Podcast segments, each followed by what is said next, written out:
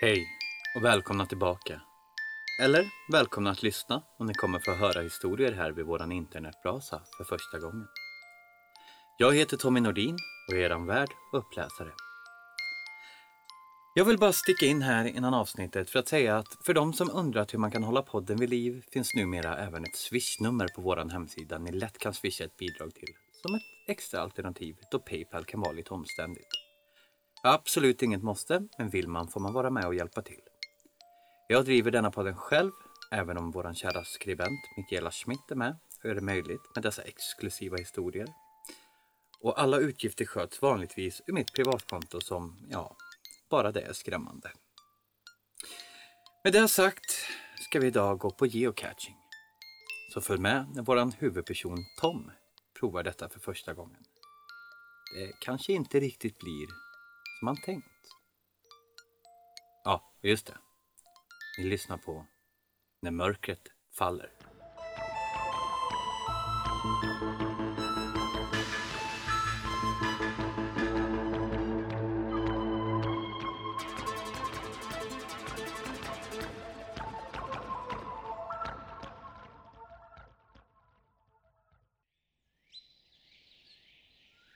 Geocaching.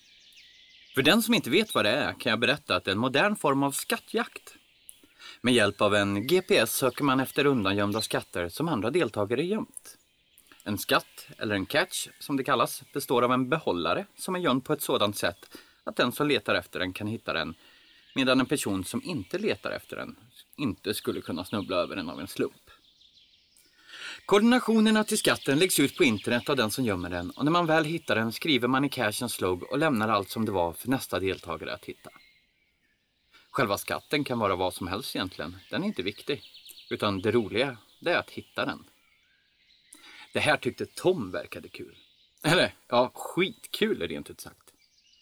Han hade länge varit medveten om att geocaching fanns, men det hade inte blivit av att börja. Han hade lite för många bollar i luften, lite för många och för stora projekt och så var det familjen och jobbet och allt annat som han ville hinna med. Det hade inte funnits tid helt enkelt. Men nu fanns det tid. Tom hade semester och hade också tagit semester från alla sina projekt en stund. Det var mitt i vintern men han behövde den här pausen från alltihop. Hela den cirkus som var hans tillvaro började kännas som en enda snurrande inferno av saker att göra och han behövde vila ifrån den. Göra ingenting och något helt annat. Göra något som helt enkelt bara var roligt. Nu skulle han hitta sin första catch, bestämde han. Om han bara hade anat vad mer han skulle hitta kan det nog hända att han valt att avstå. Men det kunde han ju inte veta i förväg, så han gav sig i kast med sitt nya projekt. Han läste om allt han kunde hitta när det gällde geocaching. Lärde sig hur man skulle gå tillväga, vilka regler som fanns. Och sedan valde han noga ut sitt första mål. En som låg inne i staden eftersom det var vinter och som såg ut att vara ganska lätt att hitta. Han ville inte hamna ute på landet eller behöva pulsa omkring i snö ute i skogen. Han ville inte vara helt ensam. När han väl valt ut en catch han ville hitta hade det redan hunnit bli mörkt eftersom det var vinter och då skulle stadens ljus komma väl till pass. Minus 22 grader, muttrade han för sig själv medan han byltade på sig kläder för att slippa frysa. Vad är det för fel på mig? Varför utsätter jag mig frivilligt? För att det är kul, påminde han sig själv och kände sig genast bättre till mods. Det skulle bli kul. Nej, det skulle faktiskt bli skitkul till och med. Ute var det tyst och kylan bet i näsa och örsnibbar nästan på en gång. Stora snöflingor föll långsamt och ljudlöst från en svart himmel och travade upp sig i högar på allt som stod stilla för länge. Och det knarrade och gnisslade om kängorna där han traskade fram. I ljuskäglorna från gatubelysningen kunde han se att all sand var översnöad och att trottoaren låg vit och orörd framför honom.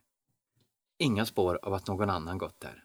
En och annan bil for förbi i långsam fart med vispade vindrutetorkare och alla ljud från dem lät dämpade och avlägsna. Snö gör så med ljud. Tom fällde upp kragen, bet tag i pekfingret på ena handsken med änderna och drog av den. Han fiskade upp mobilen ur jackfickan och började med hjälp av telefonens GPS gå mot platsen där catchen fanns. Det var svårare än vad han hade trott att hitta den. Kallare också, men framförallt svårare.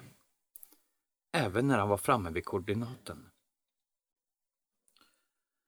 Han kunde inte hitta catchen fast han tyckte att han letade överallt där man kunde tänkas gömma något. Örsnibbarna brände, han fick snyta sig oavbrutet och fingrarna värkte stela av köld. Han började fundera på att ge upp och tänkte att han måste ha gjort något fel.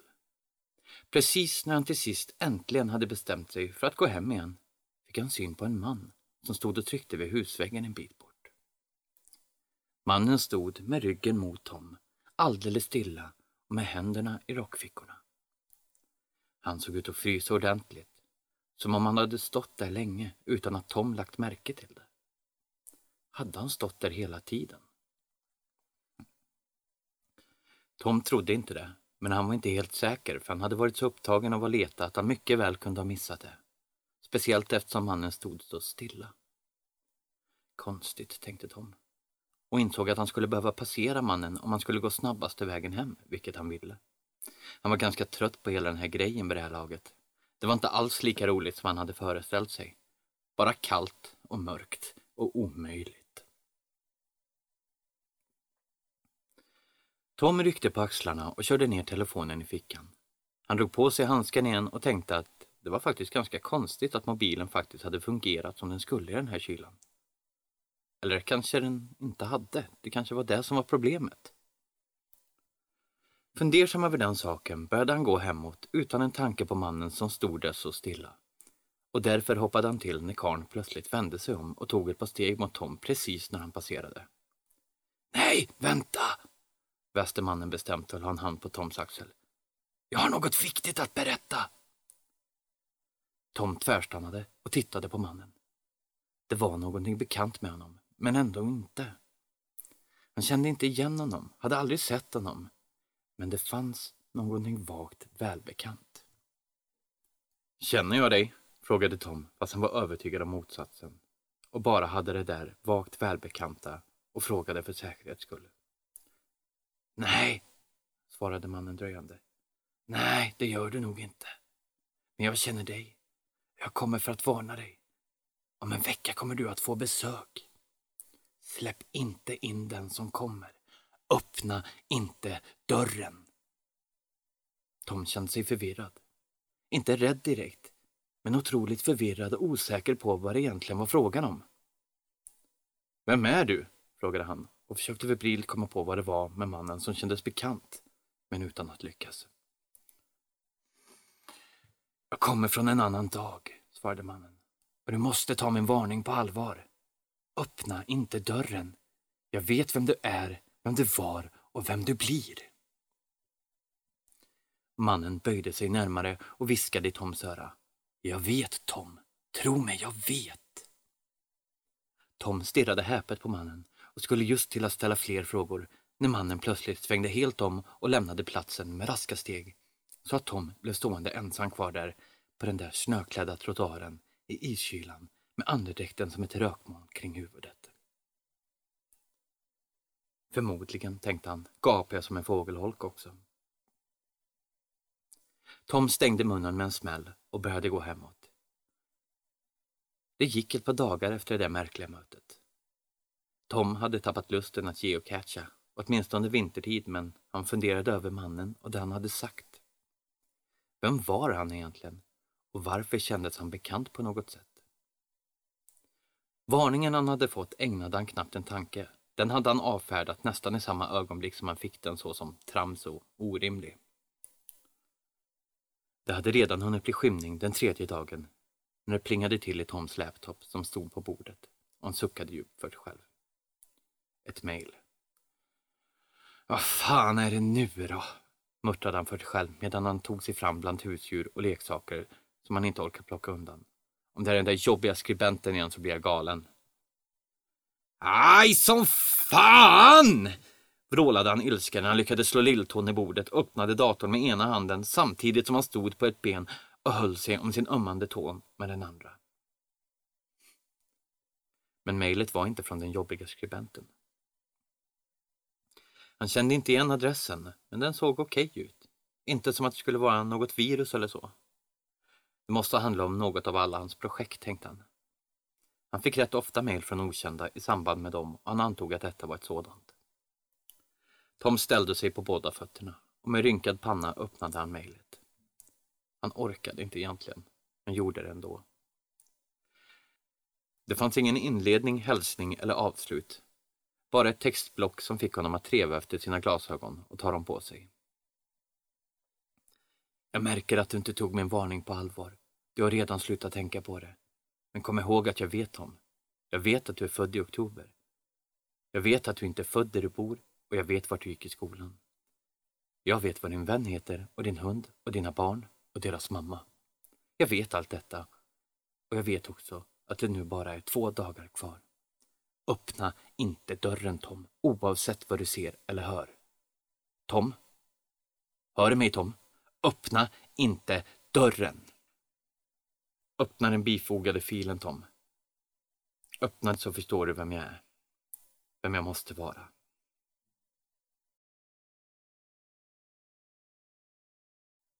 Där slutade mejlet tvärt och nu var faktiskt Tom lite rädd. Det här mejlet måste ju komma från mannen han mötte häromdagen. Men hur kunde han veta allt det här? Och hur kunde han veta mejladressen? Med lätt darrande finger öppnade han bilagan. Han kunde inte låta bli fast han egentligen inte visste om han verkligen faktiskt ville se. Det var en bild. På honom, själv som liten. Han satt i en sandlåda på bilden iklädd klumpiga blå galonisar och gummistövlar och inte så mycket mer. Och under bilden stod det plus 60. Tom slog igen datorn med en smäll. Han ville inte se. Han kom ihåg bilden eftersom det var han som hade den. Han visste precis var den låg också. Han skyndade sig dit för att plocka fram den och se så den fanns kvar. Det gjorde den. Han stirrade en lång stund på bilden medan han funderade. Insikten slog ner som en bomb inuti Toms huvud och hela hans världsuppfattning gungade till som ett fartyg i sjönöd. Han släppte greppet om bilden och backade undan från den, som om han hade bränt sig. Mannen han mött, som visste så mycket om honom, som hade hans mejladress och fotot av Tom som liten, som sa sig komma från en annan dag och som skrivit plus 60 under bilden. Kunde det vara? Kunde det verkligen vara? Han själv? Kunde det vara han själv i framtiden som kommit för att varna för något? Var det därför mannen känns bekant fast han inte var det? Det susade i huvudet och tankarna gick runt, runt.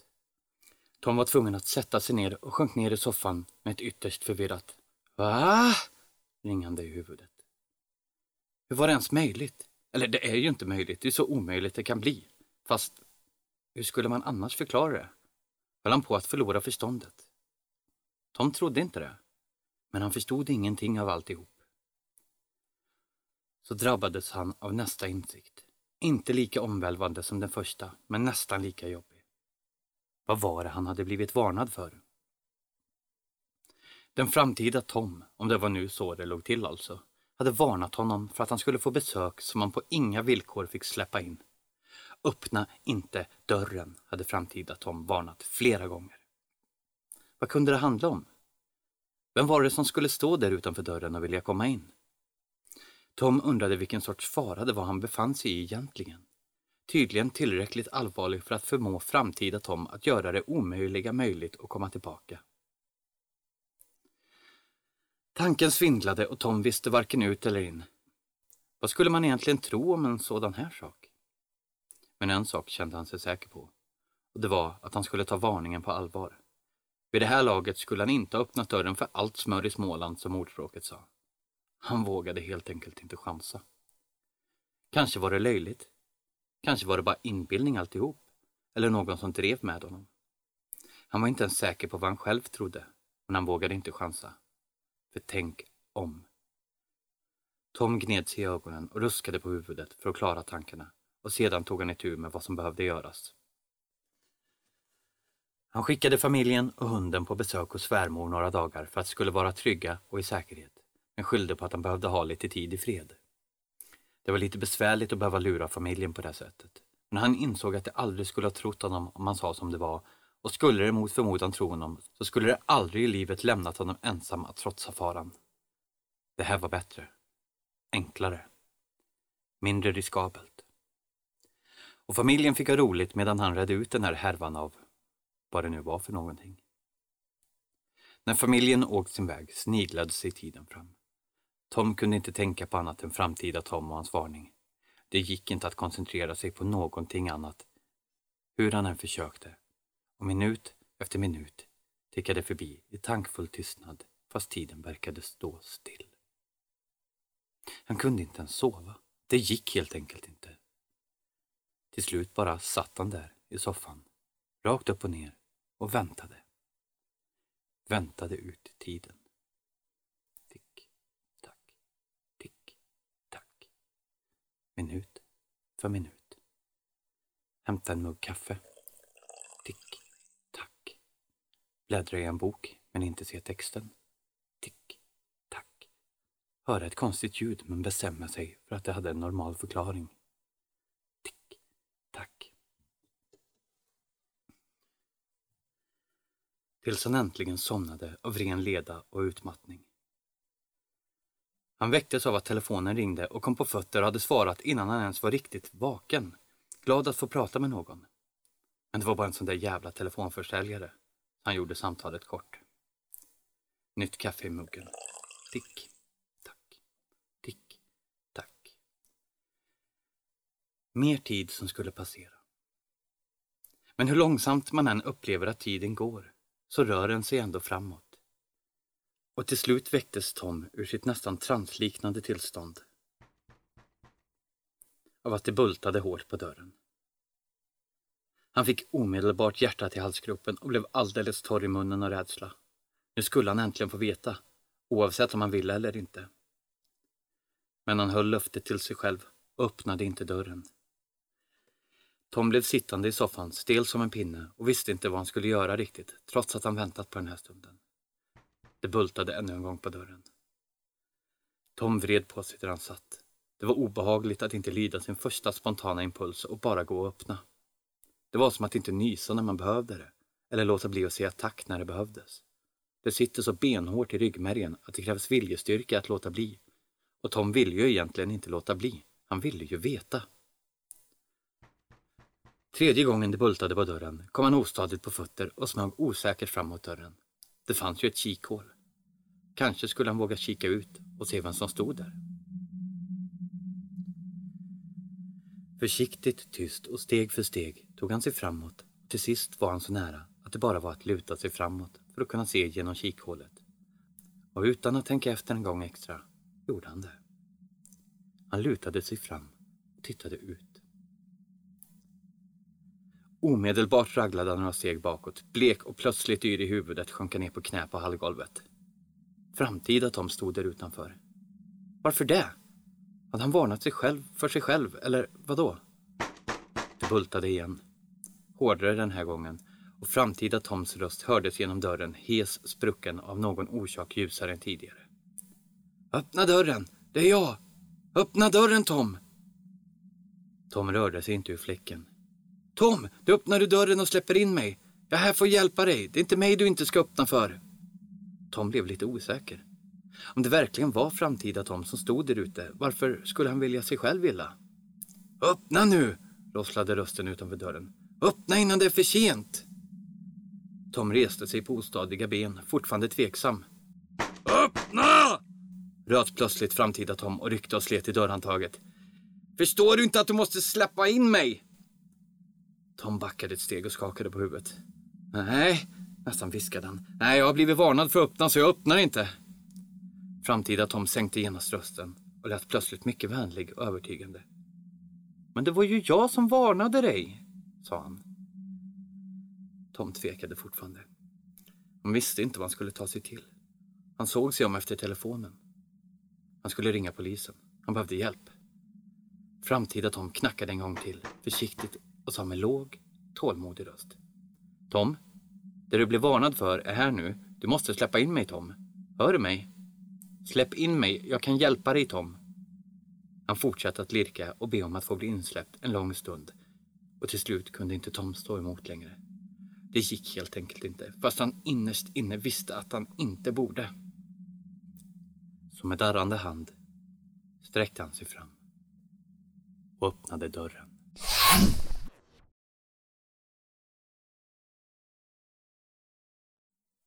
Den ni har lyssnat på var Tom Catch, skriven av Michaela Schmidt.